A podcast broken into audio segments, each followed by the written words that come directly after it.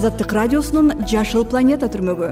Экологиялык көйгөйлөрдү көтөрүп климаттын өзгөрүүсүнүн жашоого тийгизген таасиринен кеп салабыз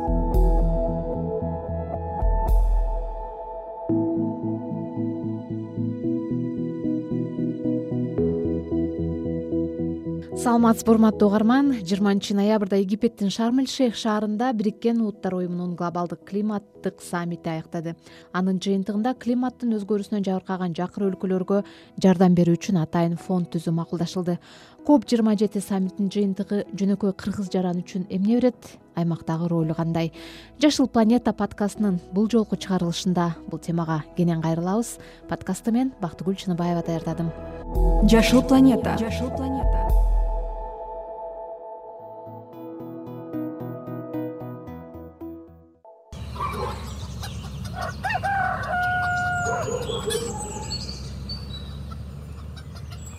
алгач чүй облусундагы токмок шаарына жакалаш жайгашкан кошой айылынын тургундары тууралуу сөз кылсак. Алар көбүн эсе малчылык менен алектенишет. Бирок акыркы жылдары айылдын жайыты барган сайын бузулуп мал оттогон пайдалуу чөптөр азая баштады. Ушундан улам мал багуу улам татаалдашууда буга кошумча бир кездерде кемин тоолордун чокусунан түшпөгөн карышкыр ак илбир сыяктуу жырткычтар аба ысып мөңгүлөр азайган сайын улам ылдый жакага түшүп малчылардын шайын оодарууда жырткычтар үйүр жылкылар менен короо койлорго кол салган учурлары көбөйдү. Көйгөйдөн чыгуу үчүн кошой айылынын башчысы турсункан чолпонкулов айыл тургундарына мал багууну азайтып дыйканчылыкка өтүүнү үндөп келет. Ал быйыл айыл четиндеги отуз сотуктай жерге жүз элүү түп кара өрүктүн көчөтүн тигип ондогон айылдыктарды иш менен камсыз кылды. Бул жерден кирип чыгып көз салышат сугарышат мына чөбүн чабышат эмки жылы кудай буюрса урожай болсо түбүнө отуруп жешет дегендей. Анан биз жана малды азайталы деп атпайбызбы? Максат. Могу жер илгери союз маалында кайрак жер кийин жайытка берилген. Ушуну үнөмдөш керек да могу элди тартыш керек. Мен ушул жерде айыл башчы болуп иштейм ушул айылда ушул балдарды тартып кичине алаксып бирдеме менен аялдарды дагы жумушка тартып эми аялдарды баягы бизде мындайдар бар мындай бир беш алты цех швейныйдер бар. Эми основной биз могу дыйкан болгондон кийин жер аста эки гектар үч гектарден жер бар. Анан бул жерден иштеп кичине алаксып көчөгө дүкөнгө барбай деген нерсе да. Мына малын карашат бул сливаны карашат максат эң биринчи максат ушул да. Анан дагы сүйлөшөбүз го бул анан ары дагы жана көпүрөдөн өтпөдүк ошол ягына дагы бирдеме тигилсе кичине бул жерди көрктөндүрүш керек да. Тияка да пайда өздөрүнө да пайда да. Кызыктырып атасыз анан. Эми кызыктырган момундай. Бар чыгар деп атат. Жок эми андайдар да бар да. Беш кол тең эмес да. Андайдар да бар. Мына малын карайт муну сугарып коет. Эме менен мына булар эле кылып атат жайлата ушу эмгеги ушулардыкы кошой айылынан анча алыс эмес кемин районуна караштуу дагы бир нече кыштак тургундары балчылык чычырканак тигүү жаратылыш коруктарынын четине конок үйлөрүн куруу сыяктуу чакан ишкердик менен алектенишүүдө. Мунун баары климаттык өзгөрүүлөргө ыңгайлашуу боюнча эл аралык уюмдардын долбоорлору аркылуу каржыланып жатат. Кошойдун тургундары сыяктуу климаттын өзгөрүүсү абанын улам ысуусунан жабыр тарткан кыргызстанда жүз миңдеген айыл тургундары бар алар жайыттардын бузулуусу суга суу азайып той чөптүн тартыштыгы сыяктуу көйгөйлөргө тушулууда күтүүсүз суу каптоолор нөшөрлөгөн жаандар миллиондогон дыйкандардын эгиндерин жууп кетип айрым аймактардагы кургакчылык азык түлүк коопсуздугуна олуттуу таасир этүүдө. Жашыл планета. Жашыл планета. Быйыл бириккен улуттар уюмунун египеттин шармил шейх шаарында алтынчы ноябрдан жыйырмасына чейин өткөн глобалдык климаттык саммиттин негизги темасы дал ушул кошой айылындагыдай дүйнөдөгү кирешеси эң аз элеттиктер тарткан жоготуулар жана зыяндар болду. Бул жыйынга мурдагы жылдардан өзгөчөлөнүп кыргызстандан жарандык активисттер арбын барышты. Маселен мувгрин кыймылы жашыл альянс экологиялык биом уюмунан экиден өкүл коп жыйырма жетиге барып кыргызстандын атынан климаттык активисттердин жыйындарына катышып турушту азаттык радиосу бул саммитке катышууга уруксат алган кыргызстандагы жалгыз медиа болуп калды. Жыйырма жетинчи саммит жоготуулар жана зыяндар деген темада өтүп климаттык активисттер жакыр өлкөлөрүнүн расмий делегациялары байгер мамлекеттерден климаттык кенемтөө үчүн атайын фонд түзүү талабын кайрадан жаңыртышты кыргызстандын расмий делегациясынын жетекчиси жаратылыш ресурстары экология жана техникалык көзөмөл министринин орун басары бексултан ибраимов бириккен улуттар уюмунун трибунасынан сөз сүйлөп кыргызстандын климаттын өзгөрүүсүнө ыңгайлашуусу үчүн алты бүтүн ондон үч миллиард доллар талап кылынаарын айтты. Over the past twenty years due to the global warming our country has seen an increase in the number of avalanches mud flows and floods by sixty percent which cause economic damage. Акыркы жыйырма жылда аба улам ысыган сайын биздин өлкөдө табият кырсыктары да көбөйүүдө. Жер көчкү кар көчкү жана суу каптоолор алтымыш пайыз арбыды мындай кырсыктар өлкө экономикасына олуттуу зыянын тийгизип жүз миллиондогон акш долларына барабар чыгымдарга жол ачууда. Ошол эле маалда глобалдык көмүр кычкыл газын бөлүп чыгаруу өлчөмү эң аз өлкө катары кыргызстан климаттык адилеттүүлүккө чакырат. Биздин улуттук белгиленген климаттык максаттарды эки миң отузунчу жылга чейин ишке ашыруу үчүн алты бүтүн ондон үч миллиард доллар талап кылынат. Бул каражатты ала албасак да өз күчүбүз менен улуттук өнөктүктөрдү баштадык маселен быйыл жашыл мурас программасынын алкагында аймактарга миңдеген бак дарактар тигилди. Борбор азиянын чок ортосунда тоолуу өлкө болгондуктан кыргызстан климаттык аярлуу топко кирет. Деги эле борбор азиядагы жетимиш алты миллион же дүйнө калкынын он беш пайызы тоолуу аймакта болгондуктан климаттын өзгөрүүсүнөн жабыркоодо тоолуу аймактардын экосистемасына кам көрүү учуру келди. Барган сайын суу минералдык заттар биологиялык ар түрдүүлүгү азайып бара жаткан аймакта ак илбирстердин тоолорунда климаттын өзгөрүүсү курч сезилип жатат. биздин өлкө адамзат келечеги үчүн маанилүү. and at the same time are of paramount importance for the present and the future of humanity. Деди бексултан ибраимов кадырман угарман сиз азаттык радиосунун жашыл планета аттуу экологиялык көйгөйлөр климаттын өзгөрүүсү био ар түрдүүлүк темаларын чагылдырган подкастын угуп жатасыз. Аны мен бактыгүл чыныбаева алып баруудамын. Бүгүн биз бириккен улуттар уюмунун глобалдык климаттык жыйырма жетинчи саммити кабыл алган чечимдин кыргызстандык жөнөкөй жарандар үчүн мааниси тууралуу сөз кылуудабыз. Саммитте кабыл алынган негизги жыйынтыкты чечмелеп өтсөк. Дээрлик отуз жылдан бери өнүгүп келе жаткан өлкөлөр өнүккөн өлкөлөрдөн жоготуулар жана зыяндар үчүн кенемте талап кылып келген.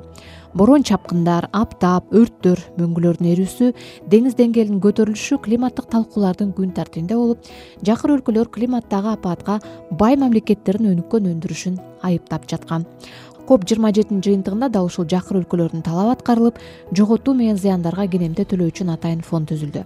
Ага өнүккөн өлкөлөр эки миң жыйырманчы жылдан тарта жүз миллиард доллардан жылына салып турушу керек. Бирок ушул күнгө чейин болгону жыйырма миллиард доллар гана түшкөн буга чейин фондду түзүп каржылоого акш кытай орусия сыяктуу ири өлкөлөр каршы болуп келсе быйыл акш жана кытай макул болду. Бирок каржылоо кандай тартипте болору? Өнүгүп келе жаткан өлкөлөрдүн талап кылуу процесстери аныктала элек. Глобалдык climate action network кыймылынын жетекчиси тазним эсо кыргызстан тажикстан пакистан өзбекстан сыяктуу азиядагы жана африкадагы өнүгүп келе жаткан мамлекеттердин атынан жыйында сөз сүйлөп жакыр өлкөлөргө үмүт шууласы жанганын айтты. This cop twenty seven delivered an historic outcome on the loss and damage fund бул коп жыйырма жети жоготууларга жана зыяндарга багытталган фондду түзүү чечими менен тарыхта калмай болду. Африканын аймагында кабыл алынган бул чечим климаттын өзгөрүүсүнөн азап тартып жаткан дал ушул континенттеги эле аярлуу мамлекеттерге эмес жалпы глобалдык чыгыштагы баардык өлкөлөргө үмүт берди. Бул чечим дүйнөдөгү климаттык кризисте өтө аз салымы бар бирок андан эрегейсиз зыян тартып жаткан миллиарддаган чыгыштын элине каржылык колдоо булагын ача турган биринчи кадам болуп саналат. Чыгыштын эли суу каптоо кургакчылык бороон деңиз деңгээлинин артуусу сыяктуу апааттардан жабыркап жатат. Эми аларда кичине болсо дагы укуктарынын корголуусуна байланыштуу үмүт шооласы жанды. Have some hope that their right to access support will be respected фонддун түзүлүүсүн дал ушул climate action network сыяктуу эл аралык ыктыярчы экологиялык активисттерден турган уюмдар ондогон жылдардан бери талап кылып акцияларга чыгып келишкен. Эми бул каржы фондунан кыргызстан кантип каражат ала алат? Толук кандуу сабаттуу талаптарды коюу үчүн өлкөдө кандай иш чаралар жүрүшү керек? Бул суроолорго коп жыйырма жети саммитине катышкан климаттык каржылоо фондунун мурдагы директору дастан абдылдаев төмөндөгүдөй жооп кайтарды. Негизинен албетте кыргызстанда да тийиштүү мүмкүнчүлүктөр жана база бар. Биринчи чоң базаны база мен билгенден бул биздин кыргыз гидрометте көптөн бери ушул аба ырайынын өзгөрүүсү сезондук андан сырткары биздин өтө маанилүү болгон тоо экосистемасындагы мөңгүлөрдүн ээрип жатканы тууралуу маалыматтар жалпысынан бар албетте. Андан сырткары бул процесске илимий жактан алганда өтө активдүү катышууга катышуусу абзел болгон багыт бул биздин э, илимдер академиясы. Бул илимдер академиясы да өзүнүн тийиштүү институттары менен бул багытка э, активдүү катышуусу абзел деп ойлойм. Э, белгилеп кеткендей эл аралык деңгээлде келгенде ар бир биз айткан биз көрсөткөн биз сунуштаган сунуш ойлордун баары илимий тийиштүү изилдөөнүн жыйынтыгы менен келип чыгышы керек. Ошондо гана биз дүйнөлүк эл аралык глобалдык коомчулукту ынандыра алабыз ошондо гана биз тийиштүү жардамды күтө алабыз. Ошону менен бирге ошондо гана биз өзүбүздүн канчалык климаттын өзгөрүүсүнө аярлуу мамлекет экенибизди көрсөтүп бере алабыз. Албетте бул багыт боюнча да аткарылчу иштер алдында көп деп ойлойм. Ошонун баарына чогуу этап этабы менен максаттуу барса биз келечекте жакшы азыркы мезгилде түзүлүп жаткан мүмкүнчүлүктөрдү климат боюнча колдоолорго жетебиз деген ишеним бар бул климаттык каржылоо фондунун мурдагы директору дастан абдылдаевдин пикири болду. Эскерте кетсем сиз азаттык радиосунун жашыл планета подкастын угуп жатасыз. Ага apple google подкаст жана spotifyдан жазылсаңыз жаратылыш экология климатка байланыштуу кызыктуу маалыматтарды угуп турасыз. Подкасттын египеттин шармил шейх шаарында өткөн коп жыйырма жети саммитинин жыйынтыгына байланыштуу чыгарылышын мен бактыгүл чыныбаева даярдап алып баруудамын подкастыбыздын башында айткандай кыргызстандын быйылкы бириккен улуттар уюмунун глобалдык саммитине жарандык коомчулуктан арбын санда активисттер катышты. Алардын бири мув грин кыймылынын негиздөөчүсү мария колесникова жыйында кабыл алынган чечимге ыраазы болгону менен. Түзүлгөн фонддон каражат алууда мамлекет жарандык коомчулуктун өкүлдөрүн сөзсүз эске албаса иш илгери жылбайт деген ойдо то что был создан фонд поддержки ущерба и потерь. И жоготуулар жана зыяндарды каржылоо фондунун түзүлгөнү албетте бизди кубандырат. Андан кыргызстан деле каражат ала аларына да сүйүнүп жатабыз. Бирок биз эми бул финансыны алыш үчүн кайсы тармактарда көйгөй бар экенин далилдеп беришибиз керек. Маселен жаратылыштагы кайсы көйгөйлөр экономикалык каатчылыкка алып келет деген суроого жооп берүү зарыл. Бул үчүн мамлекет жарандык коомчулуктун жардамына муктаж. Жыйырма жылдан ашуун убакыттан бери биздин климаттык экологиялык активисттер элдин көйгөйлөрүн кенен айтып келет. Ал тургай токсонунчу жылдардан бери бул багытта иш алып барып келе жаткан уюмдар бар. Такшалган тажрыйба эбегейсиз билим маалыматты чогултуп койгон кыргызстандагы коомдук чоң күчтөрдүн бири бейөкмөт уюмдар алар климаттык саясатка байланыштуу маанилүү документтерди иштеп чыга алышат. Элдин климаттык өзгөрүүгө ыңгайлашуусуна багытталган жол жоболордун баарын билет. Тилекке каршы коп жыйырма жети саммитинде кыргызстандан барган расмий делегациянын билдирүүсүндө жарандык коомдун бул күчү тууралуу эч нерсе айтылган жок. Глазгодогу жыйындан бери бир жыл өтсө да жаратылыш ресурстары экология жана техникалык көзөмөл министрлиги жарандык коомдун өкүлдөрү менен бул багытта иш алып барбады. Шарм эль шейхтеги конференция алдында активисттер өзүнчө чогулуп өлкөнүн позициясына байланыштуу билдирүү жасадык. Бирок мамлекет эмне кылганын тилекке каршы көрө алган жокпуз. Климатические переговоры то есть э, что было сделано за этот год? Жашыл планета. Жашыл планета.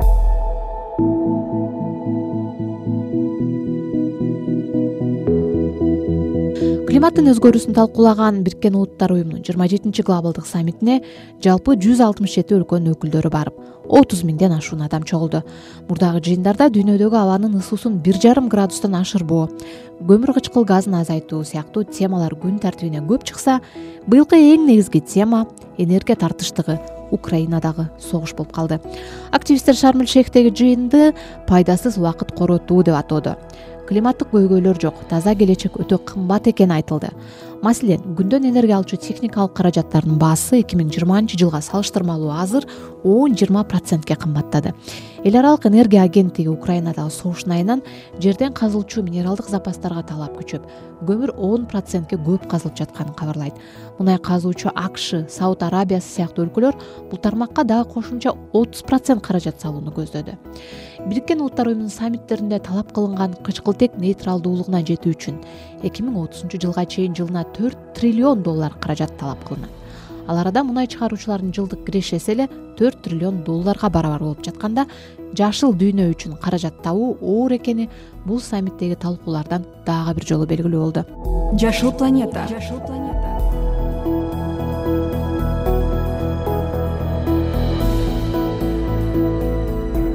Эми шарм эль шейхтеги глобалдык чөйрөдөн кайра чүйдүн кошой айылына кайтып келсек. сексен төрт жаштагы бул айылдын тургуну сейитбек абдыкулов өз үй бүлөсү мал жаюуга ыңгайлуу жайыт калбай калгандыктан малина өстүрүү менен алектенип тоолуу айылда барган сайын ысыган аба ырайына ыңгайлашып баратканын айтууда. Мына ушул айылда эле малинаны талаага тигип полего тигип атат. Полеого уже гектар гектар кылып тигип атабыз. Менин бир балам тикти дагы бирөө тигип атат дагы эле сугат жерге тигип атат талаага. Ошол түшүнгөн үчүн тигип атат да болбосо ал э, салпылдап тиги тоодо жүргөндөн көрчү сугарып коюп бала бакыраны жалдап алып келип тердирип атышат. Пайдасы бар экен. аялдар иштеп атат. Аялдар иштеп атат. Шаардан алып келип иштеп атышат көбүнчө